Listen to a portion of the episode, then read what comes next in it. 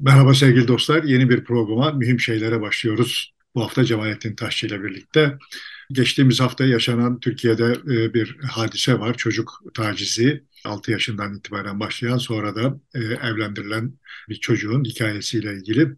Buradan hareketle e, İran'daki kadın direnişini ve mücadelesini de e, konu edilecek şekilde kadınlarla iktidar arasındaki ilişki, kadınlarla erkek arasındaki ilişki ve cinsellik e, boyutuyla bu ilişkinin ele alınması üzerine bir program yapalım istiyoruz. Cinsel politika erkeklerin uyguladığı ya da devletin arka çıktığı e, nedir, ne değildir, buna karşı kadının direnci ne anlama geliyor gibi şeyler üzerine biraz bu örneklerden Türkiye'de ve İran'daki yakın örneklerden hareketle konuşalım istiyoruz. Evet ben şimdi geçen programlarda söz etmiştim Amazon'dan bir kitap sipariş ettim Testosteron evet. adında Carol, Carol Hoover'ın kitabını. O kitap geldi. Bu olaylar yani İran'da hadiseler alevlenmişken Türkiye'de bu tartışmalar var iken kitabı okudum ve çok e, tevafuk oldu. Parçalar üst üste oturdu yani. Kafamda zaten yerli yerindeydilerdi ama böyle hani her şeyi bir arada görmek ve göstermek için elverişli bir zemin oldu gibi düşünüyorum. Şimdi önce kitaptan şöyle kısaca bir söz edeyim. Sonrasında daha uzun uzun söz edeceğim. Yani kitabın yazılış gayesi öyle görünüyor ki kadıncağız bu kitabı yazan bir kadın ama anlaşılan o ki muhafazakar, sağcı bir kadın yani, cumhuriyetçi bir kadın. Ve karşısında ki güya işte liberal, demokrat, e, özgürlükçü cephenin uzun süredir sürdürdüğü ve işte erkeksiliği mahkum etmek üzere sürdürdüğü tartışmalara bir cevap yazma ihtiyacı hissetmiş. Yani kitap başından sonuna kadar bir polemik. yer yer kadıncağız bunu örtmeye işte bilimsel bir şeyler bunları, sosuyla bunları sunmaya çalışsa da aslında başından sonuna kadar bir polemik ve polemikteki kadının ana pozisyonu şöyle bir şey. Ya kardeşim bu, bütün bunlar gözümüzün önünde ve bu kadar bilimsel araştırmayla görünüp dururken nasıl olur da bunları reddedersiniz? Bunları reddedersiniz dediği şeyler neler? Ya, ya erkeksilik diye bir şey var. Yani erkeklik diye bir şey var, kadınlık diye bir şey var. Bunların arasında bir fark var ve bu fark büyük ölçüde testosteron ürünü. Testosterona bağlı, testosterondan kaynaklanıyor. Ve yani işte durmadan bir şeyleri e, tahrif ederek, bilimsel bulgu, bulguyu tahrif ederek ve bilim başlığı altında, bilim kisvesi içinde bu işi yaparak bunu çürütmeye çalışıyorsunuz ama nasıl ol, olur yani? Bak işte görünüyor diyor yani kadın. Kadının görünüyor dediği şeyler ne kadar görünüyor bunlar tar- ayrı tartışma konuları. Ama sonuçta elimizde kalan net toplam ne? Yani kadın bilim camiasının içinde, akademiyanın içinde ya da akademiyadan destek alarak oluşturulmuş olan bir terör ortamında yazıyor. Korku içinde yazıyor. Yani zaten başına da birçok şey gelmiş. Sonrasında da geldi gelmiş anladık kitap yazdıktan sonrasında da. Yani Ama kitabı yazmadan önce de fikirleri savunduğu için Harvard Üniversitesi tarafından e, linç edilmeye çalışılan bir kadın değil mi bu? Ona evet. can oluşturuyor. Evet. Yani kadın bunları yazdıktan sonra o linç oluyor. Ama evet. bu kitap yayınlandıktan sonra oluyor. Ama zaten daha öncesinde de başına türlü şeyler gelmiş. Sonuçta çok yeni bir şey değil bu. Yani bu, akademiyanın içinde bu tür tartışmalar yeni bir şey değil. Bunun benim bildiğim en eski örneği 1975'te Wilson'ın başına gelmişti. O da işte sosyobiyoloji kitabının bir paragrafında IQ seviyesiyle ırklar arasında bir korelasyon kurduğu için linçe uğramıştı. Ben Wilson'ı sevmem. Bu kadını sevdim. Wilson'a atfedilen şeye katılmam. Bunun söylediklerine katılıyorum bu kadının söylediklerine. Testosteron hakkında başka kaynaklardan öğrendiklerimle de yani kadın yanındayım. Wilson'ın karşısındayım. Wilson'ın hem öncesinde hem sonrasında yapıp ettiklerinin karşısındayım. Ama Wilson'a yapılanlara da karşı çıkmıştım. Bu kadına yapılanlara da karşı çıkıyorum. Sonuçta burada benim pozisyonum şu. Wilson bunları söyleme özgürlüğüne sahip olur. Siz de Wilson'ın karşısında iseniz Wilson'ın söylediklerinin karşısındakileri söylersiniz. Kararı ben veririm. Siz niye bana Wilson'ın söylediklerinin ulaşmasını, Wilson'ın fikirlerinin ulaşmasına mani olma hakkını kendinizde neye yaslanarak görüyorsunuz? Benim derdim bu yani. Yoksa yani son tahlilde o süreç içinde başında Leontin ve Gould'un çektiği bir çete, resmen çete yani ki ben benim açımdan Leontin ve Gould bilimsel pozisyonları itibariyle Wilson'a ve temsil ettikleri değerler itibariyle Wilson'a kıyasla son derece tercihe şayan insanlar. Ama bu teröre karşıydım. O zaman da karşıydım. Şimdi de karşıyım ve burada da gör, görülüyor ki işte bu kadın da bir terör ortamının içinde. Aslında akademiyada bu tür terörün olması yadırganması gereken bir şey. Yani orada özgürlüklerin sonuna kadar kullanıldığı bir yer diye e, bilinir ama tam tersi bir durumla karşı karşıyayız galiba. Ve çok uzun sürede işte 75 ile benim bildiğim 75 ile başlamış.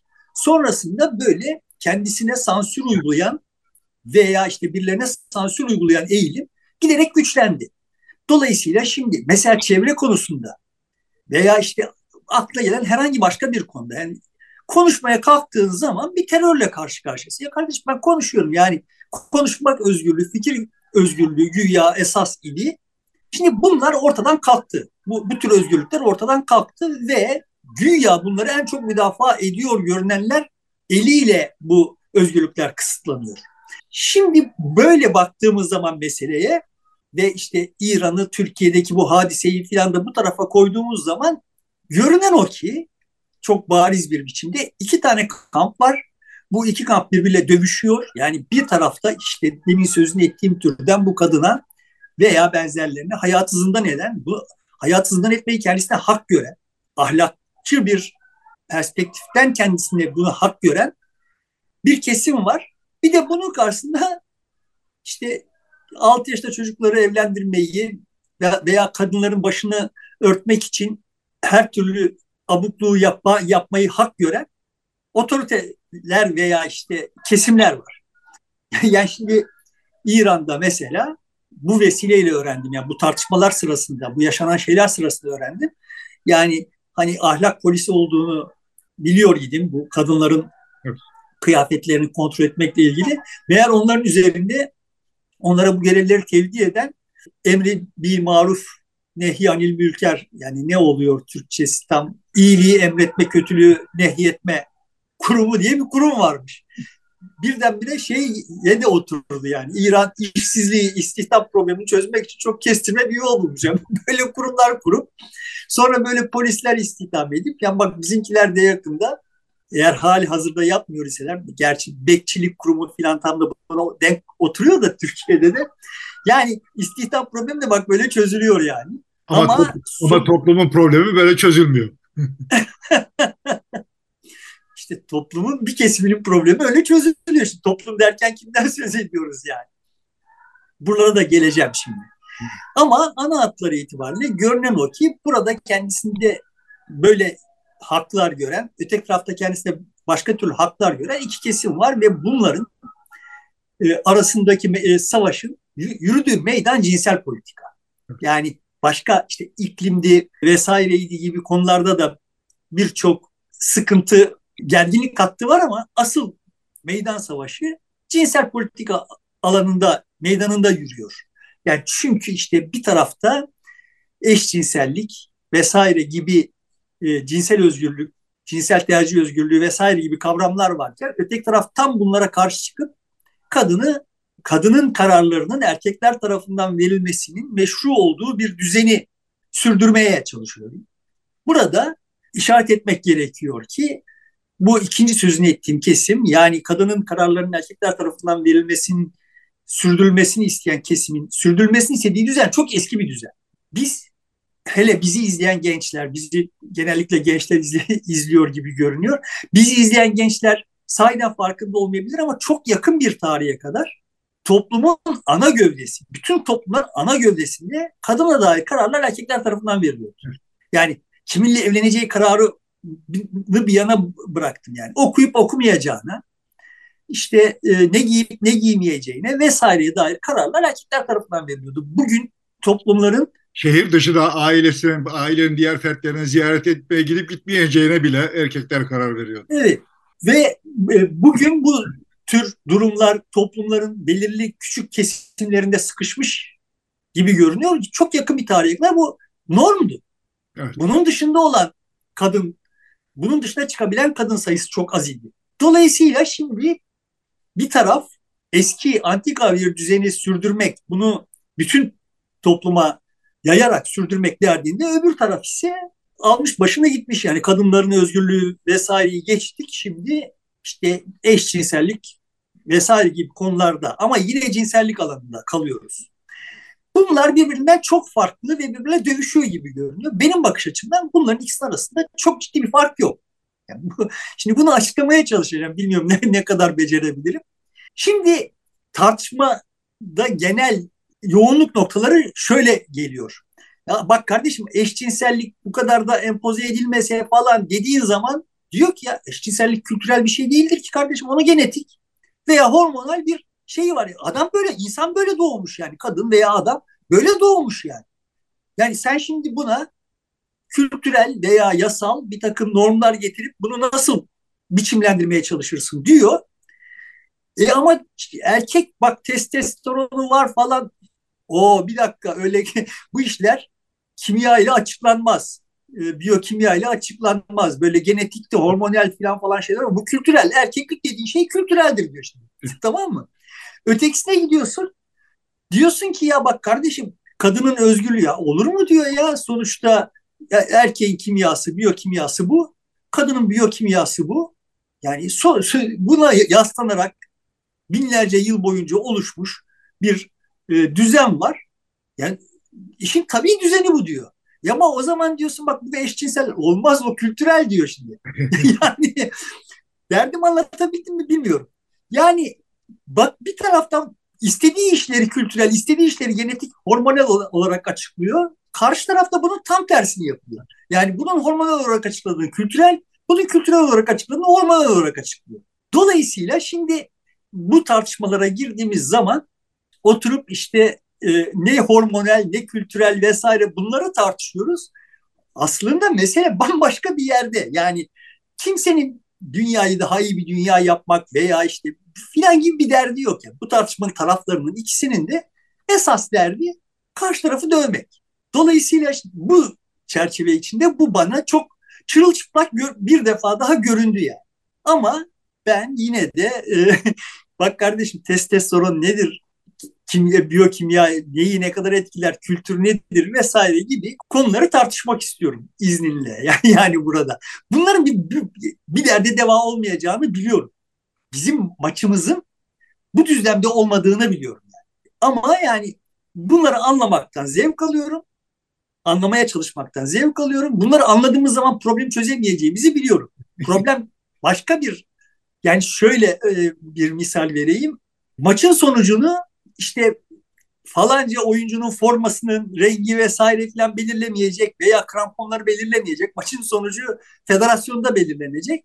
Yani şu oyuncuyu transfer ederek veya işte kaleciye şu idmanları yaptırarak değiştirebileceğimiz bir şey yok ama yani oynayabileceğimiz alanda her şeye rağmen bu federasyonun vereceği kararı kadar beklemek durumundayız. Bu alanda oynayalım istiyorum. Bu şeyde olaya taraf olanların bir kesimi İran'da ve Türkiye'de kesimler Müslümanlar. Dolayısıyla olayı İslam üzerinden tartışıyorlar ama bu sadece İslam'la sınırlı bir şey değil yani. Rusya'da da Ortodoks düzlemde aynı şeyler yapılıyor. Putin dünyada muhtemelen İran rejiminden bile daha keskin bir biçimde eşcinsel karşı pozisyonları aldı. Ve işte orada da aile vesaire gibi kurumlar Ortodoks gelenekler vesaireye yaslanarak benzer şekilde müdafaa ediliyor. Ama yani Çin'de de olaylar benzer şekilde kamplaşmalar benzer şekilde gerçekleşmiş durumda ama şimdi bizim elimizdeki iki sıcak hadise İslam'ın içinde. Ve görünüyor ki işte hafta sonu da konuşmuştuk. Yani sonuçta burada İslam adına pozisyon alanlar aslında İslam'ı tahrif ediyorlar. Öteki tarafta da görüyoruz ki bilime sırtını yaslamış gibi görünenler de bilimi tahrip ediyorlar. Aslında eğer tahrip edilmeseler pekala iş görecek, işimize yarayacak olan, işimize yaramış olan insanlık itibariyle, insanlık tarihi itibariyle baktığımızda işimize yaramış olan işte İslam, bilim filan burada böyle fütursuzca harcanıyor yani. Bunu da yine de geçmişe göre biraz daha temkinlilik var burada ama e, hala tam çıkılmış değil o e, çizgilerden.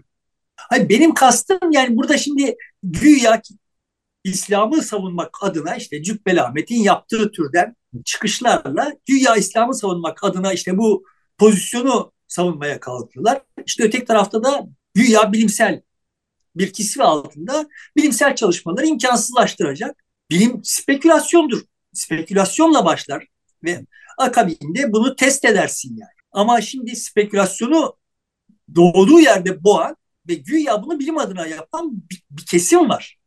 Yani yaygın bir kesim var. Bilim insanlarının dışında da yani sonuçta şimdi biz çok bilimci, yani bilim insanı olmasa bile çok bilimci olanlara gidelim. Yani onlar da bilimin belli amaçlar için kullanıl kullanılmasından yanalar.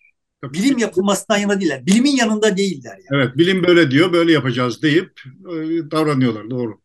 Dolayısıyla da şimdi yani mesela aşı karşıtlığında da ya da aşı yandaşlığında olay böyle sürdü. Ya bir dakika ama aşı filan dediğin zaman yani bu benim spekülasyon yapmama mani olarak bilimi, bilimin yanında olmayı sürdüremezsin yani. Hı. Ama bu yapılıyor. Aa bilim söylüyor filan diyerek. Sonuçta iki tarafta aslında bizim için kıymet taşıyan şeyleri tarif ediyorlar. Bunları da biz koruyamayız. Yani geçen hafta sonunda bunu söylemeye çalıştım. Biz koruyamayız. Yani bilimi, bilim insanlarına rağmen biz koruyamayız. Dini de din adına laf edenlere rağmen biz koruyamayız. Yani ya onlar koruma özeni gösterecekler ya da bunlar aşınıp ufalanıp gidecekler. Yani başka bir faza geçmek zorunda kalacağız. Dolayısıyla şimdi hani bunlar bunları da es geçiyorum. Buradan şeye gelelim yani ta, e, bu testosteron tartışmasının ana aksına gelelim. Şimdi hatırlayacaksın işte 2000'li yıllara yaklaşırken Genom projesi üzerinden böyle her gün yeni bir gen keşfediliyordu. İşte iman yeni keşfedildi. Yok işte e, eşcinsellik yeni keşfedildi. Falanca geni filanca geni. Ben bir e, o sıralarda bir kitap yazmaya çalışıyorum. Onun bir bölüm başında da şu şöyle belirlemiştim. Her şeyi genlerle açıklama geni de keşfedilirse bir gün rahat edeceğiz yani. Yani şimdi böyle bir dünya tasavvuru var. Orada bir şifre var. Genetik bir şifre var ve bu şifre deşifre oluyor. Sen oluyorsun, ben oluyorum.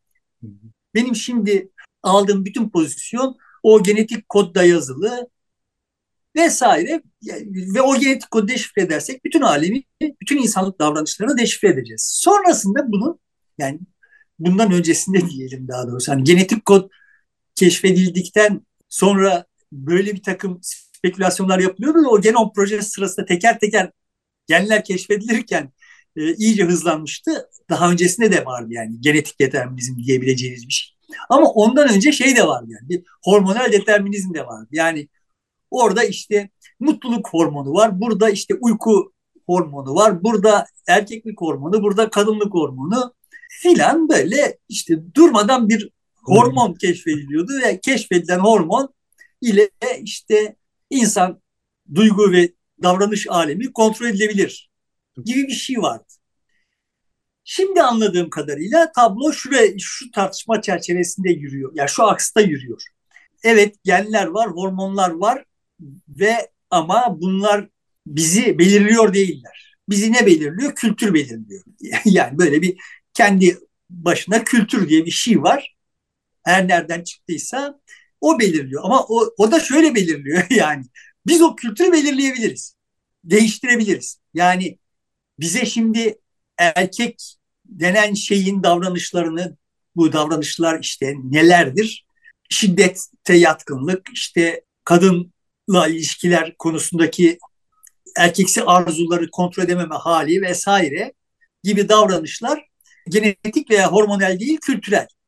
Ya peki yani kültürelse ne yapacağız? Şimdi kültürü değiştireceğiz. Erkeklerin böyle davranmasına sağlayan kültürel şeyleri kazıyacağız. Yani annelerin çocuklarına, oğullarına aslansın sen işte bütün kadınlar sana feda olsun filan demesine mani olacağız gibi gibi. Yani, e, kültür böyle değiştirilebilir bir şeyse bu kültürü değiştirenlerin içinde değiştirenler de bir kültürün içinden bunu yapacaklar. Bu da bir kültür yani. Ve anlaşılan o ki kültür öyle bir şey ki hem biz yapıyoruz hem o bizi yapıyor ama ayrıca da onun dışına çıkıp onu yapabiliyor olanların kendileri de kültürden bağımsız gibi böyle bir absürt bir şey, şey zihin haritaları var yani. Benim açımdan tablo nasıl? Bu çok uzun tartışılmış olan bir şeyler, hususlar bunlar. Benim bu konuda koyduğum tutum son derece net.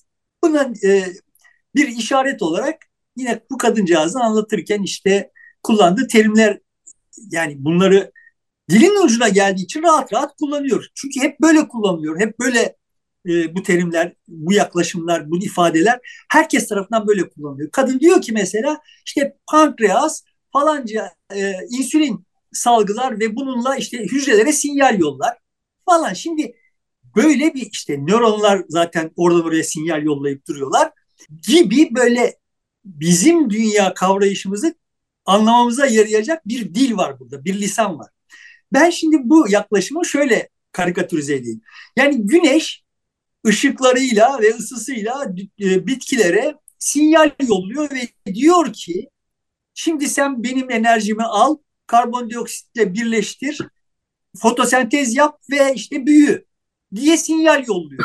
Dediğim zaman bu saçma değil mi? güneş kendi kendi bildiği işi yapıyor. Sonrasında onun yaptığı o işten dünyada, Mars'ta olmuyor bu. dünyada fotosentez yapacak bir takım canlılar çıkmış. Güneş bu canlılara bir sinyal falan yollamıyor. Güneş, güneş işini yapıyor. Pankreas da öyle. Pankreas işini yapıyor. tamam yani sonuçta o ya, işini yapmasının sonucu olarak tıpkı güneşin ısı yayması, ışık yayması gibi pankreas o yaptıkları da o insülin de belli yerlerde belli sonuçlar doğuruyor.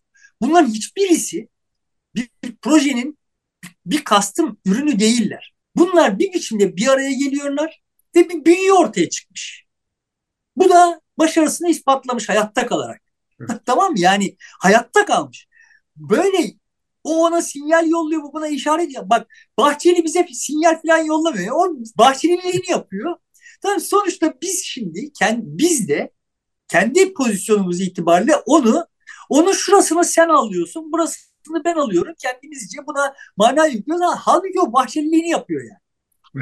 Güneş de kendi bildiğini yapıyor, pankreas kendi bildiğini yapıyor. Bunların hiçbirisi bütün hakkında bir bilgi sahibi değil.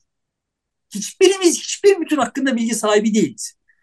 Ama böyle bir dilimiz ve bu terimlerimiz var başımızı sıkıntıya sokuyor olan şey bu yani. Benim derdim bu terimle artık hiçbir işe yaramayan işte liberaldi, muhafazakardı, hormonaldi, kültüreldi vesaire gibi terimlerle bu dünyayı anlamaya çalışıyorsun. İşin aslı şu. Herhangi birisi yani hormonlar veya e, nöronlar veya kültür bizi tek başımıza açıklayamaz. Herhangi birisi açıklayamaz. Zaten biz geçen hafta şeyi e, ifade etmeye çalıştım, beceremediğimi düşünüyorum. Bu e, işte dalgalar falan falan. Sonuçta hormonlar tam bu anlatamadığım şeyi anlat, anlatmak için en uygun şeyler. Bizim kanımızda bir takım hormonlar dolaşıyor. İşte 8-10 tane tam olarak sayısı hatırlamadığım bezden üretilen ve galiba 40 küsür tanesini deşifre ettiğimiz bir takım kimyasallar var. Bunlar bizim kanımızda dolaşıyorlar. Bunların seviyeleri durmadan değişiyor ve bunların herhangi birisi tek başına herhangi bir işi yapıyor değil. Daha enteresanı zaten bunlar yani mesela testosteron bozuluyor ve östrojen oluyor. Yani testosteron erkeklik hormonu, östrojen kadınlık hormonu diye adlandırıyoruz. Halbuki kadında testosteron var. Eser miktarda erkeklerinkine kıyasla çok daha düşük olmakla birlikte erkekte östrojen kullanıyor vesaire. Sonuçta bütün bunlar seviyeleri değişiyor. Seviyeleri değiştikçe bizim modumuz değişiyor. Bu de- değişen mod içinde bir takım davranışlar sergiliyoruz. Ama asıl belirleyici, asıl hikaye o seviyelerin dalgalanmalarında.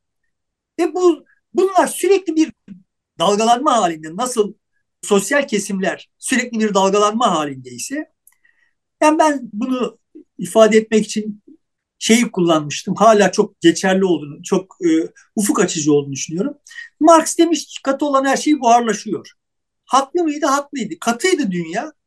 İngiltere İmparatorluğu şuradan şuraya istikametini değiştirdiği zaman bütün İngiltere o istikamette akıyor idi, gidiyor idi yani. Katıydı. Sonra buharlaştı. Sahiden aniden dünyada hararet yükseldi. Sıvı fazını geçip buharlaştı ve biz hepimiz atomize olduk. Hepimiz derken dünyanın nüfusunun önemli bir bölümü, şehirlerde yaşayan ve dünyanın gidişatını tayin eden bölümü atomize olduk. Artık bizi teker teker herhangi bir e, hareketimiz herhangi bir şey tarafından ölçülebilir veya kontrol edilebilir. Özne tarafından ölçülebilir ve veya kontrol edilebilir olmaktan çıktı. İstatistik olduk. Ve bu istatistik olmuşluğumuzla da siyasette işte demokratik e, düzende sayı itibariyle yani her birimizin istikametinin sayılması itibariyle toplamı, toplamımız itibariyle bir mana taşır hale geldik. Şimdi benim iddiam o ki dünya serinliyor. Kavramsal dünya serinliyor ve buhar olan her şey sıvılaşıyor. Dolayısıyla bu sıvılaşma çerçevesinde bir sıvının dinamiği olarak bakılması gerektiğini düşünüyorum dünyanın mevcut hallerine. Ve dolayısıyla da işte orada bir şey kabarıyor, burada geriliyor. Ama bunların hepsi birbirine bağlı. Bütün bu hormonlar birbirlerine bağlılar. Herhangi birisinin konsantrasyonunun yükselmesi bir başkasının konsantrasyonunun azalmasını ama bir başkasının artmasını sağlıyor gibi. Şimdi bu kadın kitabından anladığım kadarıyla tamam yani testosteron etkili bir şey ama beyni etkilemiyor diye böyle bir ya nasıl böyle bir şey söylenebilir? Yani sanki beyin ayrı bir yer.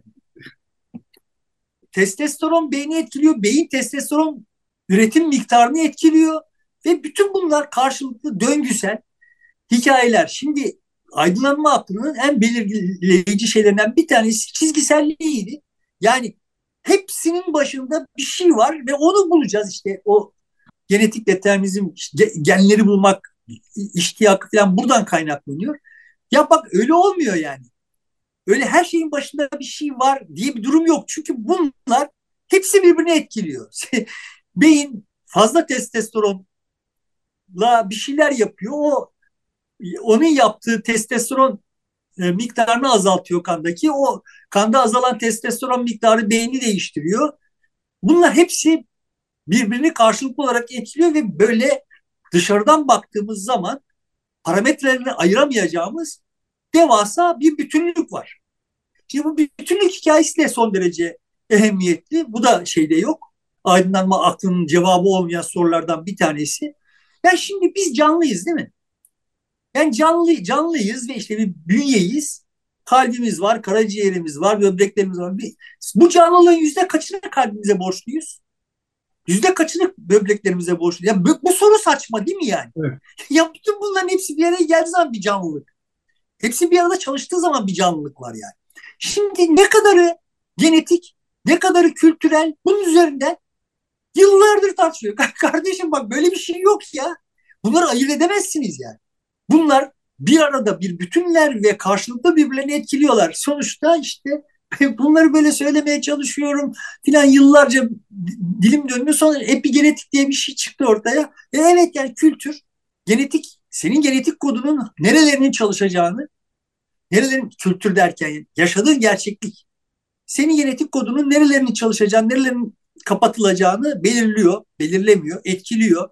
Or, onların e, etkilenmiş olmasıyla sen bir şey oluyorsun. Şöyle değil de böyle bir insan oluyorsun. Sen öyle bir insan olduğun zaman kültür şöyle değil de böyle oluyor. Biz kültürün üreticileriyiz. Ya bizim dışımızda bir kültür diye bir şey yok. Bizim ya davranışlarımızın, tercihlerimizin, kabullerimizin ürünü olarak bir kültür var. Ve o kültür evet yani biz belirliyor. Belirlemek tabiri doğru ise biz biz gök yani fanusun içine yaşamıyoruz, yaşayamayız birilerinin bizi ayıplamasından korkarız. Bir, arkadaşlarımızın bizi dışlamasından korkarız. Dolayısıyla onlar bizi dışlamasın diye ne, yapma, ne yapılması gerektiğini pekala böyle son derece işten pazarlıklı olarak kendimiz kendimizle bu pazarlıkları yaparak belirleriz, tayin ederiz, tercih yaparız. Bu yaptığımız tercihlerin bir kısmı tam da tercih sebebimizin zıttına sonuçlar doğurur. Filan dünya böyle bir dünya.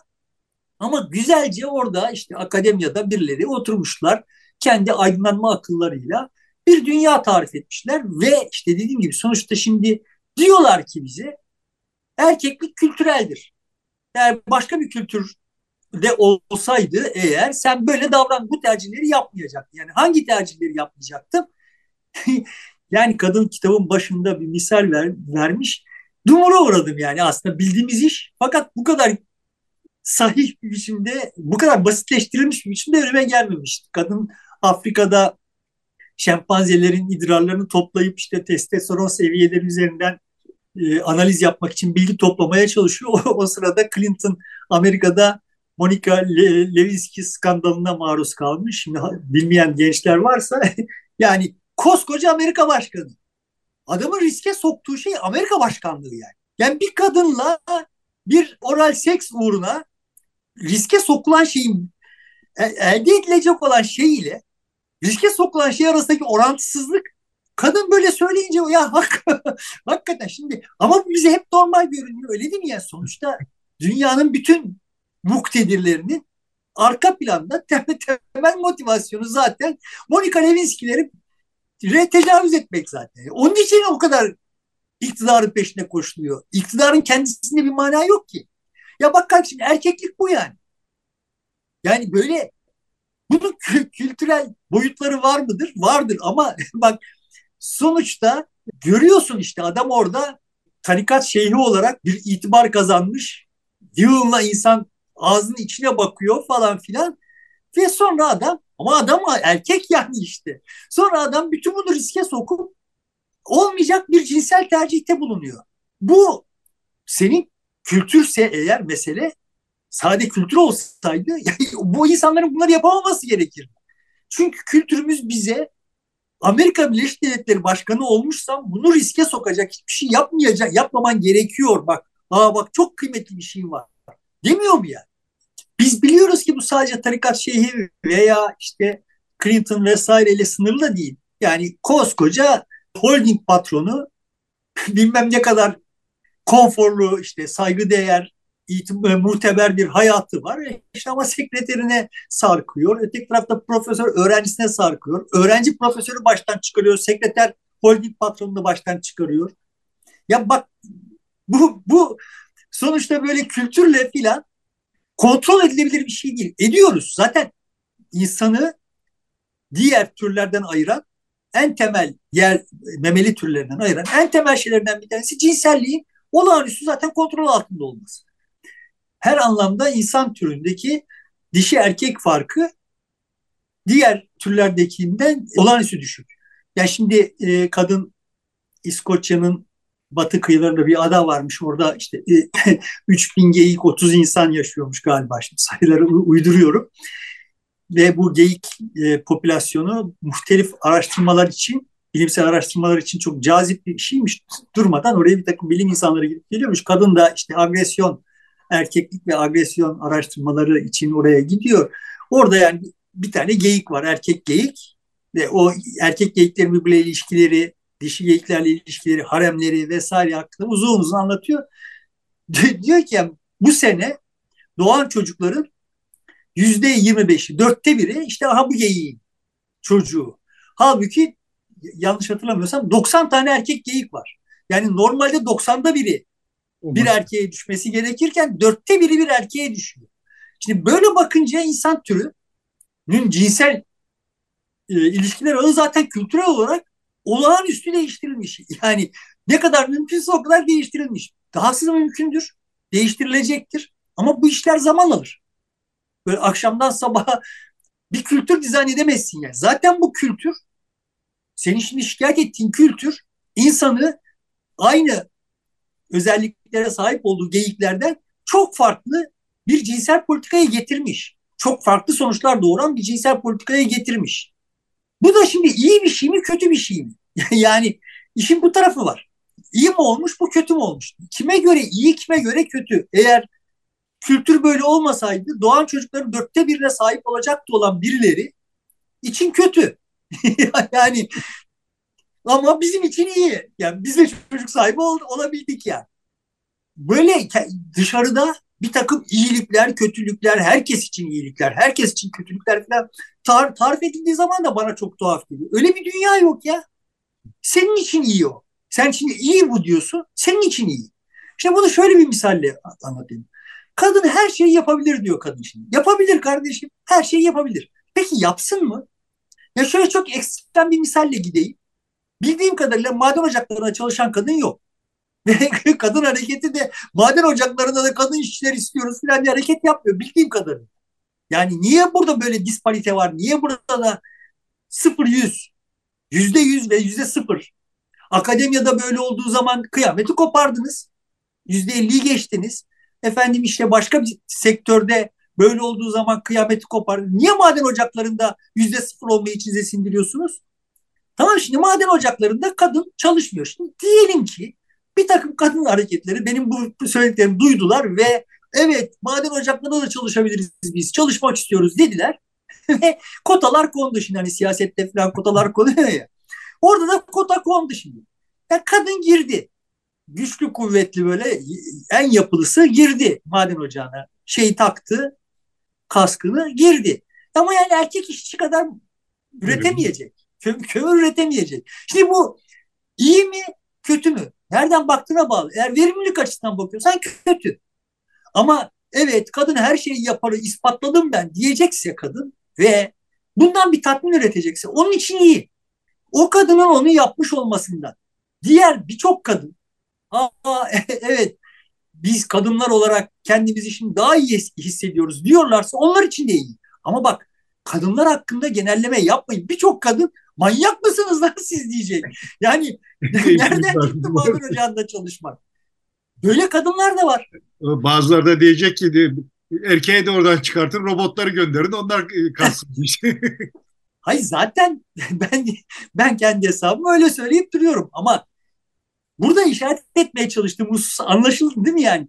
Öyle falanca işte siyasette niye yeterince kadın yok diye caz yapıyor yapılıyor ise madem ve böyle testosteron vesaire filan öyle aslında bir erkeklik yaratmıyor. Bütün bunlar kültürelse e, o zaman maden ocağında kadın çalışmaması da kültürel. O zaman buna da itiraz edin. Yok eğer maden ocağın sadece erkeklerin çalıştığı yerler ise ve bu kültürel değil bir takım biyolojik tabanları varsa başka şeyler de biyolojik tabanları var. Ama şimdi böyle e, işaret etmeye çalıştığım husus böyle kaygan, biçimsiz, bir zeminde konuşuyoruz, düşünüyoruz ve bu kullandığımız terimler aslında içini boşalttık. Kadın erkek eşitliği. Ne, neyin eşitliği? Hangi konuda eşitlik? Yani sonuçta sporda atletizmde 100 metrede erkeklerle kadınlar ayrı ayrı yarışıyorlar. Serena Williams için işte kitapta diyor ki birisi işte gelmiş geçmiş en iyi kadın tenisçi demiş. Kadının birisi itiraz etmiş. Niye kadın tenisçi diyorsunuz? Niye en iyi tenisçi demiyorsun? Adam demiş ki ya, erkeklerle yarışsa en iyi olmadığı çıkacak. Kadın bunun üzerine öfkelenmiş Serena Williams'a sormuş. O da demiş ki e, evet yani benden iyi 700 tane erkek tenisçi var. Sonuçta tablo böyle bir şey. Yani bir, arada bir fark var. Bu farkın erkeklerin kadınların kararlarını vermesini meşrulaştırmak için kullanılması saçma bir şey de bunu bunu tartışılacağı zemin başka. Kadınla erkek arasındaki fark biyolojik midir? Hormonal midir? Genetik midir? Bunu tartışmanın manası yok. Yani kadınla erkeğin arasında bir fark var ve evet daha doğmadan öncesinden itibaren testosteron seviyesinin farkları, ikisinin arasındaki testosteron seviyesinin farkları bu farkın kısmen açıklıyor. Yani şuradan biliyoruz eğer erkek yani XY kromozomuna sahip olduğu halde doğum öncesinde ana rahminde yeterince testosterona e, maruz kalmamış ise muhtelif genetik bozukluklar sebebiyle o aslında e, erkeklik organları bünyesinin içinde kalmış biçimde kadın olarak kadınmış gibi görüne, görüne, görünerek yani jenital bölgeleri kadınsı olarak doğuyor. XY kromozomları var. Ve yine kadının verdiği istatistik ben bunu bilmiyordum yani. Teyide muhtaç olduğunu düşünüyorum. Şu anda spor camiasında elit sporcu, elit kadın sporcuların çok büyük bölümünün aslında XY genine sahip olduğunu. Yani erkek biyolojisine sahip olduklarını iddia ediyor. Sadece yani erkekleri görünür değil. Böyle bir fark var ve bu evet testosteronun testosteron da burada bir rol oynuyor. Diğer birçok şeyle birlikte. Ama yani böyle er, erkeklerin 100 metreyi kadınlardan çok daha hızlı koşabiliyor. Daha çok kas yap daha az yağ daha çok kas yapıyor olmaları vesaireyi falan kültürler açıklayamayız yani.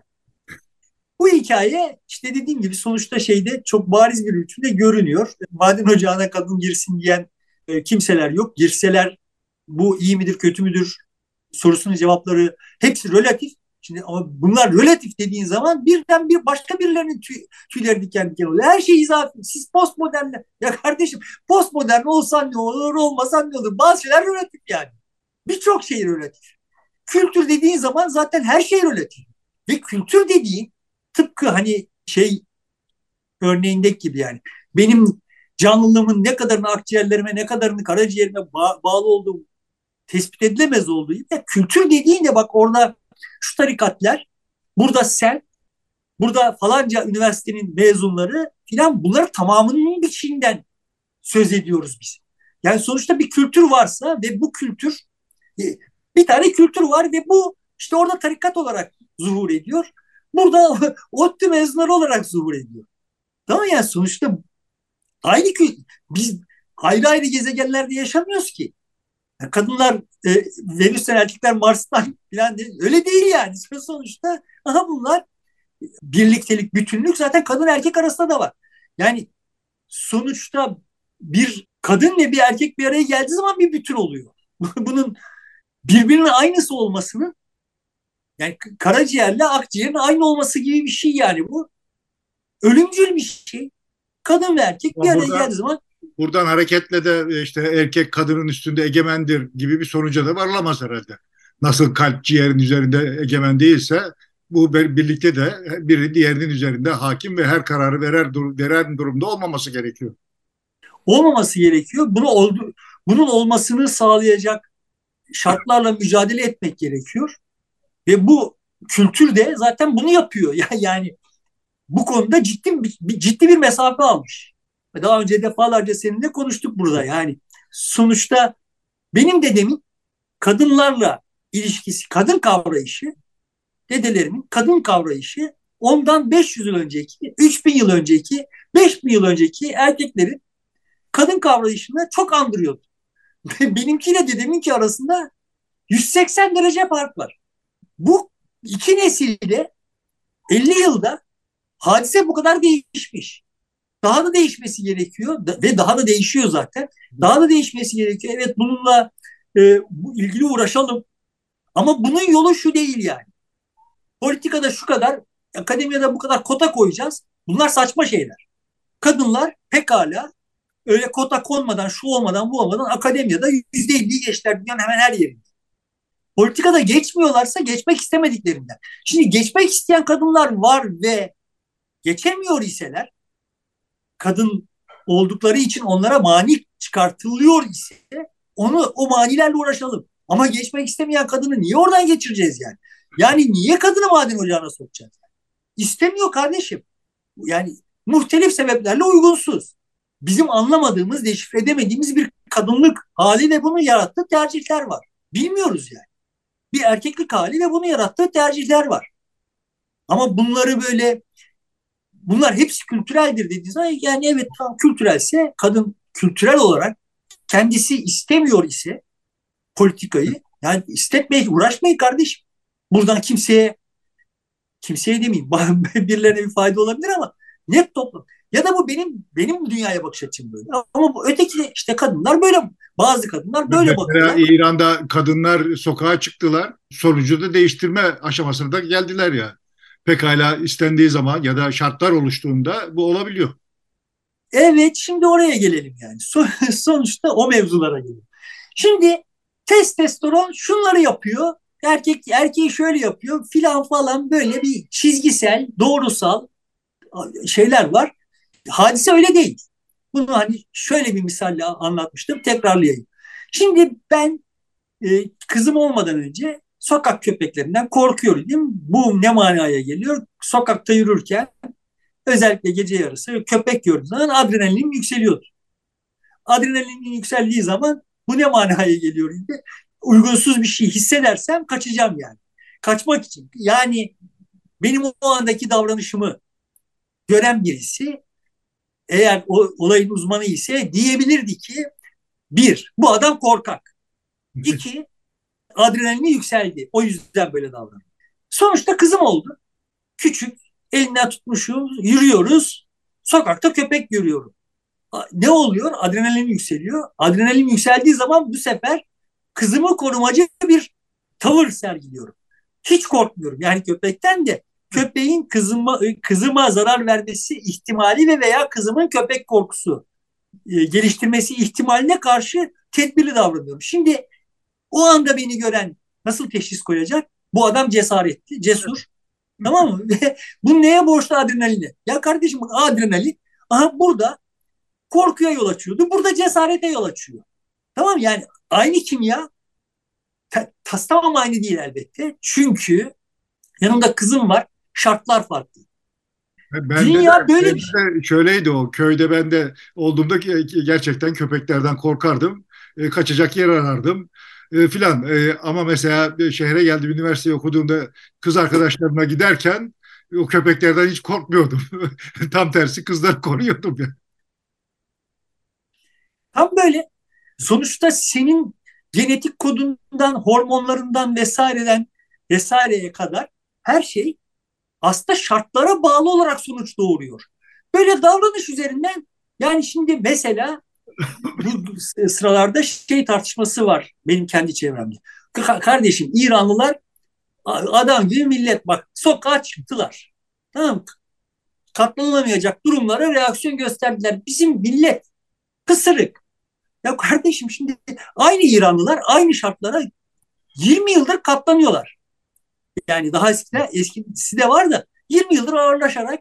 E şimdi bir şey oldu, şartlar değişti ve bir eşik bir çatlak çıktı, bir eşik atılı atlandı. Davranış değişti.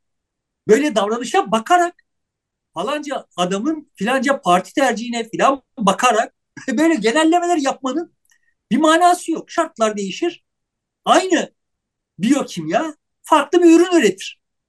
Seni ben tek başımızayken yolda sohbet ederken bir şey bir konuda e, herhangi bir e, bakış açın konusunda eleştiririm. Bu senin açından öğretici bir şey olur veya sen beni eleştirirsin. Ben aa bak hakikaten ya ben bunu niye böyle yapıyorum diye düşünürüm. Bu aynı lafı bana başkalarının ortasında söylersin. Ona karşı defans geliştiririm. Aynı laf bana karımın yanında söylersen yumruk atarım sana. yani sonuçta bir faktör bir araya geliyor. Senin biyokimya, genetik kodun, kültür, o maruz kaldığın şartlar vesaire ve her birimiz her an durmadan bunların değiştiği ortamlardayız. Ama böyle kestirmeden fütursuz genellemeler yani Türkiye'nin muhafazakarları kendine muhafazakar denenleri yıllarca devletin yaptığı tercihlerin karşısında devlet dediğimiz şey darbe yaptı onun karşısındaki siyasi partinin yanında tırnak içinde özgürlükçü tutum aldı. Şimdi aynı insanlar özgürlük kısıtlayıcı, otoriteryen tutum alıyorlar. Çünkü şartlar farklı. Senin işin şartları değiştirmek, sen insanları değiştirmek, kültürü değiştirmek gibi şeyleri niye kalkışıyorsun yani? yani ben bunları söylüyorum da bir manası olmadığını bilerek söylüyorum. Çünkü 80 senedir ben kendi hesabıma bunları. Hiçbir faydası olmadı. Yani insanın oynayacağı parametreler şartlardır. İnsanla oynayamazsın yani. Ama ne oluyor işte böyle Amerika'da birileri insanla oynuyorlar. Kültürle ve insanla oynamak derdindeler. İran'da birileri kültürle ve İran, e, insanla oynamak derdindeler. Şimdi bunlar birbirlerine cepheden vuruyorlar. Biz arada kaldık yani. Birisi kazanacak veya ikisi de kaybedecek. Bir üçüncü yol çıkacak buradan ama son e, noktada benim benim katlanamıyor olduğum şahsen kendi katlanamıyor olduğum şey kardeşim bak senin beni değiştirmek gibi iş, bir iş işlemen saçma. Sen benim şartlarımı değiştir. Benim şartlarımı değiştir zaten ben değişirim. Ve benim nereye doğru değişeceğim elbette içinde yaşadığım çevreden etkilenir. Ama aynı zamanda benim kendi biriktirdiklerimden de etkilenir. Ve bunlar hangi sonucu doğuracaklar bilinemezler. Bu bilinemezliği de içine sindirerek benim şartlarımı değiştir. Yani bu o yüzden de bu programlarda aylardır, yıllardır demeye çalışıyorum ki kardeşim insanların inançlarıyla işte şunlarla bunlarla uğraşmaktan vazgeçin. Şartları değiştirin. Bu aşağıdan gelen yığınlar sonuçta zemini çatlattılar ve üste çıkacaklar. Buna mani olamayacaksın. Siz şartları değiştirin. Bunları bastırmaya çalışıp durmayın yani. Şartları değiştirin ve ümit, ümit edelim ki daha yaşanabilir, daha insani bir dünya kurmak için kendi kaynaklarını seferber etsinler. Ama vay onun kaşının altında gözü var, bu köpek sevmiyor, öteki işte kızının başını örtmeye çalışıyor filan gibi böyle kendinizce beğenmediğiniz sebeplerle veya ötekiler içinde vay o eşcinsellerin yanında tutum aldığı vay bu işte zaten Amerikancı filan gibi gerekçelerle böyle insanları engellemeye, insanların önünü kesmeye çalışmaktansa siz şartları değiştirin. Şartlarla oynayın. Yani. Şimdi burada işaret etmek gerekiyor olduğunu düşündüğüm, üzerine düşünmek gerektiğini düşündüğüm bir husus var. Yine seninle aylardır konuşup duruyoruz. İnsanın çevresi tabiat olmaktan çıkıp insan olmaya başladı. Yani zaten başından itibaren başlamıştı. On, on binlerce yıl önce. Ama bu giderek yoğunlaştı ve son 50-60 yılda hemen hemen nüfusun %60'ı e, 70'i tabiatın cilvelerinden neredeyse tamamen bağımsız yaşıyoruz. Yani işte korunaklı barınakların içinde ve bütün bizim tatminimizi, tatminsizliğimizi, her şeyi üretecek olan başka insanlar olacak şekilde yaşıyoruz. Bu son derece kadın lehine bir gelişme. Muhtemelen bu e, son dönemde kadınların kendi haklarını alabilmelerini sağlayan temel faktörlerden bir tanesi bu oldu. Neden e, kadına kadın lehine bir eğilim bu diye düşünüyorum. Çünkü çocuk davranışları yani erkek çocuk ve kız çocuk davranışlarının arasındaki farklardan da başlayarak birçok araştırma bize şunu gösteriyor. Erkekle kadın arasında evet işte böyle fizyolojik bir takım farklar var. Fiziksel şartlarda farklılıklar var. Düşünsel farklılıklar var. Dünya ile ilgili tutum alırken de çok temel bir takım farklar var. Yani erkek çocukları birbirleriyle oynarlarken genel olarak erkek çocuklar birbirleriyle, kız çocuklar birbirleriyle oynuyorlar zaten. Ve erkek, erkek çocuklar birbirleriyle oynarlarken olay son derece kestirmeden bir güreş vesaire evriliyor.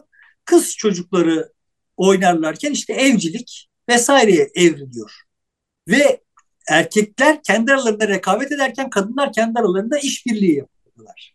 Bu son tahlilde uzun dönemde kadınların daha işbirlikçi, daha empati sahibi, çevresi zaten insan olmaya uygun olmalarını sağlıyor. Bu hayvanlar alemindeki şeylerde de böyle görünüyor. Yani erkekler daha tabiatla haşır neşir iken o erkeklerin tabiatla haşır neşir yani erkek e, maymunlar işte tabiattan bir şeyler devşirip getirmeleri gerekiyor beslenme için. Kadınların tabiatla çok bir işi yok yani. Çoluk çocuk ve işte diğer maymunlarla işi var.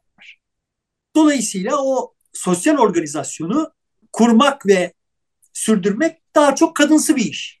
Ama burada şunu unutmamak gerekiyor. Bunlar birbirlerini tamamlıyorlar. Evet. Yani söylediklerim şu manaya gelmesin. Kadınlar kendi aralarında rekabet etmiyorlar ama çok kıyıcı rekabet var kadınların kendi aralarında. Yani bu Howard Bloom'un kitabında verdiği bir misal var yani bazı maymun kabilelerinde alfa erkeğin en gözdesi olan dişi maymun başka bir maymun eğer o alfa erkekten doğum yapmışsa onu ziyarete gidiyor. Hani sa- sanki böyle hani kutlama ziyareti gibi ama orada çocuğu severken, yavruyu severken bir tarafını kırıyor. Yani böyle biçimsiz şiddet metotları da geliştirebilecek kadar kıyıcı olabildiklerini kadınların biliyoruz. Kadınlar bunu bizden daha iyi bilir birbirlerine karşı ne kadar kıyıcı olabilecekleri konusunda. Ama genel toplam itibariyle bakıldığında işin sosyal ilişkilerde rekabet tarafının er, daha yoğun olduğu yer erkekler, işbirliği tarafının daha yoğun olduğu yer kadınlar. Ama içinde rekabet olmayan işbirliğinden değil, içinde işbirliği olmayan rekabetten de bir sonuç çıkmıyor. Dolayısıyla bunlar bir araya geldiklerinde bir doğru kimya verimli kimya doğru demeyelim. Verimli bir kimya çıkıyor. Zaten o yüzden böyle olmuş. Evrim evrimsel olarak baktığında o yüzden olaylar böyle gelişmiş. Ve bunların hepsinin dediğim gibi böyle biyolojik kökleri var. Genetik ve veya hormonal ve ne kadar hoş bunlar üzerine kafa yormak, anlamaya çalışmak, bilgi biriktirmek falan ama buralara gelemiyoruz. Çünkü şey meydan savaşı eğer buralara sirayet ederse burada da sen şunu söyleyemezsin, sen böyle davranamazsınlara falan geliyor. Ya bir, bir çekilin bakın bu bunların sizinkilerin doğru olduğu hükmüne içinde bulunduğumuz kültürden bağımsız olarak nasıl karar verdiniz? Yani? Bu kültür bizi biçimlendiriyorsa sizi de biçimlendiriyor. Bu nasıl kültür ki beni kötü biçimlendirmiş ama sen, sana dokunmamış? Kimsin sen yani? Ben bana böyle kötü erkek rolü vermiş ama sen orada bundan azade yani ya kültür herkesi belirlemek konusunda aynı derece güçlü değil. Adil davranmıyor. Ya bunu kabul edeceksin. Adil ve eşit davranmıyor demek ki. yani her şey kültür açıklamaz. Ya bunu kabul edeceksin ya da yani yani nereden alıyorsunuz bu, bu yetkiyi? Ya hakikaten çok merak ediyorum. Nereden alıyorlar yani bu yetkiyi? Bu nasıl bir küstahlıktır? Şimdi o küstahlığı sergiliyorlar, sergiledikleri farkında değiller. Sonra karşı taraftan birileri adını koyamıyor bu küstahlığı, hissediyor, adını koyamıyor. Buna saldırıyor. Vay zaten siz ne kadar yani senin yaptığın kabalığın ve şiddetin mukabili mi ya adamın yaptığı? en ciddi şiddeti sen uyguluyorsun. Bütün doğrunun tek yerine oturmuşsun yani. Adamın ne kadının neyse karşı taraftakinin. Ya şimdi şu kadına yapılanlar yani. Ya kardeşim kadın işte iyi kötü kadın kötü bir bilim insanı da olabilir. Yani kötü bir bilim insanı ne demek? Bilimsel standartlara standartları yeterince içselleştirememiş bir bilim insanı da olabilir. Uğraşmış ya uğraşıyor. Kaldı ki sizin bilimsel standartlarınız nerede yani? Yani adam yazmış orada işte testosteron hakkında bir takım ölçümler yapmış falan filan yazmış yazmış.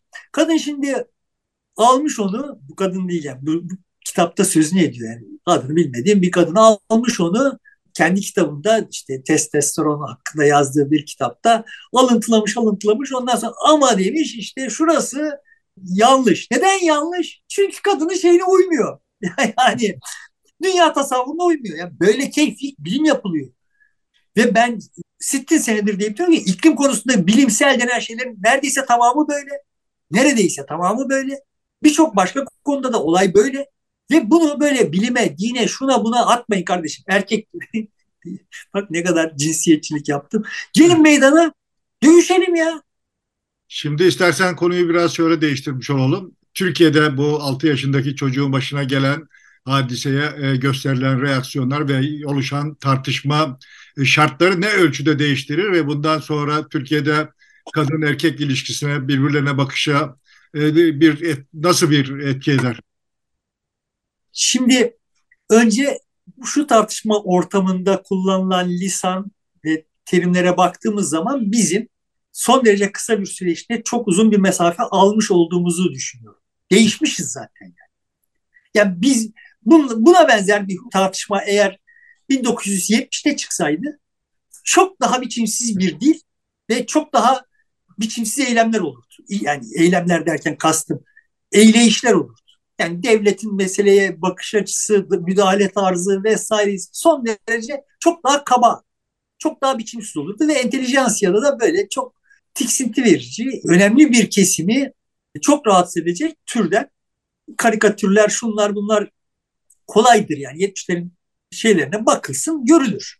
Bu anlamda en tırnak içinde demokratik sayılabilecek Gırgır şeyine erişilebiliyor koleksiyonuna. Gırgır'ın koleksiyonunda yani böyle muhtelif toplumsal kesimleri ne kadar kolaylıkla aşağılanabildiği görülür yani. Şimdi burada görünüyor ki bir hayli yol almışız. Başka işareti ne bunun? Şimdi Erdoğan bile çıkıp da nihayet bu mevzuyu telin ettikten sonra ama işte bu belli kesimleri zan altında bırakacak şekilde kullananlara filan diye de böyle dayılanıyor. Oradaki dayılanma dozu bile gösteriyor ki aslında öyle bir şey yok. Yaratmaya çalışıyor. Yani evet. ya kardeşim hani bak bizim adamlar, bizim kadınlar bu işte yeterince rahatsız olmadılar. Onları rahatsız edecek işler yapın ki ben oylarımı derleyeyim diye uğraşıyor. Yani hayatın değişmiş olmasından hiç memnun olmadığını, tartışma üslubunun farklılaşmasından hoşlanmadığını gösteren bir tutumu tutum içerisindeydi. Evet. Dolayısıyla bu bizim değişmiş olduğumuzu gösteriyor. Zor yoldan öğrendik öğrendiklerimizi. Bu 20 20 yıllık bir tuhaf iktidara katlanarak öğrendik. Ama bu iktidarın böyle bir şey öğrettiğini söyleyebiliriz. Elbette orada burada tekil bir takım yerler var. Çıkıntılıkları bahane gösterip şimdi benim üyesi olduğum bir takım WhatsApp gruplarında falan da bunlar yaşanıyor. Onları emsal gösterip ne diyorsun öyle bir gelişme olmadı diyenler var ama bariz görünüyor ki eskisiyle mukayese edildiğinde çok daha dar bir kesimde ve çok daha enerjisi düşük bir biçimde yürütülüyor bu biçimsiz kampanya. İşin ötek tarafında zaten şeyi biliyor idik, test etmiştik. Yani o kendisine her türlü biçimsizlik yakıştırılıyor olan kesim bu biçimsizliklerin çok büyük bir bölümünü hak ediyor olabilir. Ama kız çocuklarına yönelik hassasiyet konusunda toplumun kalanından daha geride değil. Zaten daha ileride. Belki daha ileride. Yani dün işte Mehmet Yılmaz da yazmış yani. Sonuçta evet orada birileri var 6 yaşında kendi kızını evlendiriyor. Hadisenin teknik tarafını bilmiyoruz yani. Tekrar söylüyorum. Yani o evlendirmenin arkasında yatıyor olan mekanizmanın gerekçesini bilmiyoruz. Orada işte haremlik selamlık esprilerinin vesaire muhtelif, muhtelif rolleri vardı. Her halükarda Oradaki adam, iktidarını sağlamlaştırmak, kendisinden sonraki halefi tayin etmek gibi şeylerden söz ediliyor şimdi. O evliliğin arkasında öyle şeyler olduğuna dair. Yani hani adam kızının nikahını kıyar da adama yollamaz. Evet. Damadına yollamaz falan şimdi. Bunlar bunların yapılmamış olması itibariyle olayda bir abukluk var ama her halükarda şimdi evet bir yer, bir yanda böyleleri var ama bir yanda da kız çocuğunu kendi kız çocuğunu üniversitede başörtüsüyle okutabilmek için can siperhane mücadele vermiş olan Müslümanlar da var. Ve bunlar ağırlıkta yani. Dolayısıyla şimdi kız çocuklarıyla ilişkileri konusunda Müslümanları yargılamaya kalkmak genel olarak Müslümanları yargılamaya kalkmak absürt bir şey yani. O, o kesimde zaten bir değişim olmuştu. Bunu da seninle daha önce konuşmuştuk. Yani bu mesela 1960'larda böyle değildi. Yani adam çocuğunu, kızını okula yollamıyordu. Evet. Ama 1980'lere geldiğimizde adam kızını üniversiteye yollayabilmek için Çaba olmayacak işlere kalkıştı. Dolayısıyla o zaten değişmişti. Ve o değişim bu sonucu, bugünkü sonucu doğurdu diye düşünüyorum. Dolayısıyla onlar o, o ana gövde yani bu işten rahatsızlık duymuştur ve kendi kızının başına böyle bir şey gelmesinden ürker. Ana Müslüman gövde, kendisine Müslüman diyen ana gövdenin tutumu zaten buydu. Bütün bu tartışmaların hangi sonuçlara yol açacağı sorusuna gelecek olursak yani nasıl değişmiş olduğumuz bence görünüyor.